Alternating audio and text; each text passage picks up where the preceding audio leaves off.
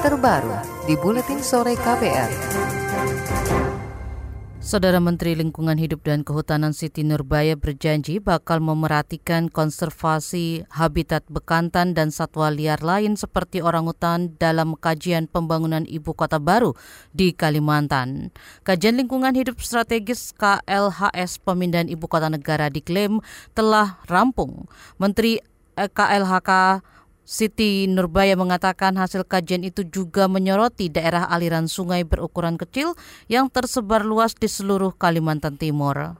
Caranya adalah dalam pembangunannya memperhatikan pembangunan dan pergerakan dengan intensitas tinggi di wilayah jelajahnya. Kalau ada infrastruktur misalnya ada jalan harus dibuat flyover atau underpass sehingga habitat orang hutan dan sebagainya tidak terganggu. Kemudian penataan landscape uh, untuk revitalisasi hutan hujan tropis jadi rehab, rehab kawasan hutan lindung, reklamasi dan sebagainya. Menteri Lingkungan Hidup dan Kehutanan Siti Nurbaya bakal menyiapkan 180 hektar areal milik pemerintah yang akan menjadi kawasan ibu kota baru. Misalnya dengan membebaskan 60 ribu hektar lahan konsesi hutan dan produksi. Selain itu, KLHK tengah menyiapkan 100 juta bibit tanaman untuk memulihkan lingkungan yang rusak. Pemerintah juga bakal mereklamasi lubang bekas tambang di Samarinda secara bertahap. Ketua Perhimpunan Ahli dan Pemerhati Primata Indonesia Perhapi Didik Prasetyo menyebut tidak mudah menciptakan habitat buatan untuk satwa endemik Kalimantan seperti bekantan.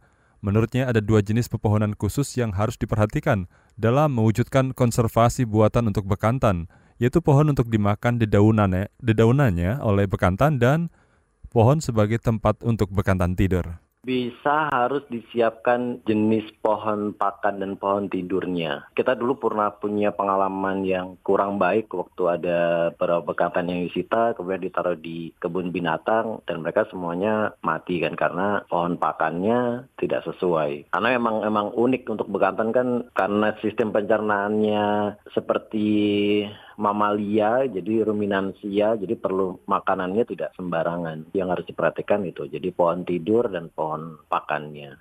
Ketua Perhapi Didi Prasetyo mengingatkan pemerintah agar tidak mengulangi kisah kepunahan bekantan di Pulau Kaget Barito Kuala, Kalimantan Selatan. Didi menyebut ratusan bekantan di Pulau Kaget itu punah sama sekali akibat laju pembangunan wilayah. Didik meminta kawasan pesisir di lokasi ibu kota baru tidak dieksploitasi habis-habisan untuk pembangunan pelabuhan, karena habitat bekantan hidup di kawasan pesisir.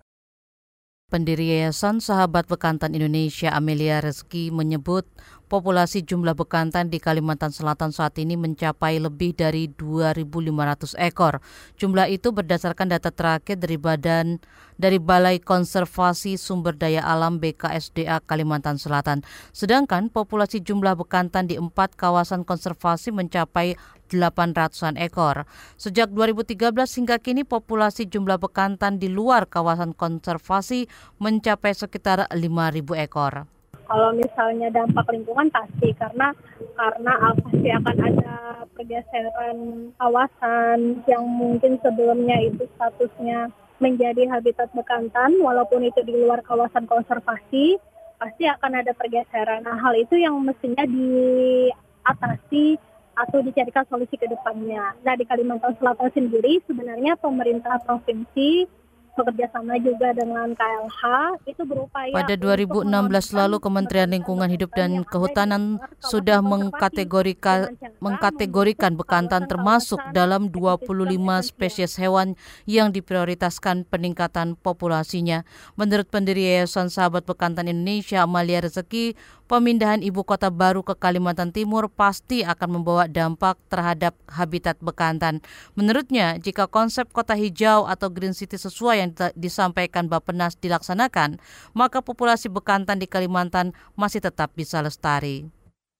Saudara Wahana Lingkungan Hidup Walhi pesimistis dengan kajian lingkungan hidup strategis KLHS pemerintah terkait pemindahan ibu kota dari Jakarta ke Kalimantan Timur. Kepala Departemen Advokasi Eksekutif Nasional Walhi, Zenzi Suhadi mengatakan, Aliansi Masyarakat Sipil untuk Lingkungan tidak akan mempercayai hasil kajian pemerintah itu. Ketika ibu kota dibangun di, di sana, maka kerusakan lingkungannya itu tidak terukur. Artinya nggak bisa dihitung sekarang karena nggak dilakukan kajian sebelumnya oleh pemerintah. Nah, tetapi akan ada kerusakan-kerusakan lingkungan atau kerugian lingkungan yang bisa kita prediksi dari sekarang. Apa itu satu dari fragmentasi ekologis karena pembangunan infrastruktur. Nah, fragmentasi ekologis itu nggak bisa dilihat itu dari Kepala Departemen Advokasi Eksekutif Nasional Walhi, Zenzi Suhadi, menilai pemerintah tidak akan bisa membuat habitat buatan untuk konservasi satwa-satwa dilindungi seperti bekantan. Menurut Zenzi, kerusakan lingkungan akibat pembangunan ibu kota baru tidak bisa dijawab dengan kebijakan membuat konservasi untuk spesies satwa endemik tertentu. Saudara sebelumnya Presiden Joko Widodo merencanakan pemindahan ibu kota dari Jakarta ke Kalimantan Timur. Rencana ini terus dimatangkan pemerintah. KBR, inspiratif, terpercaya.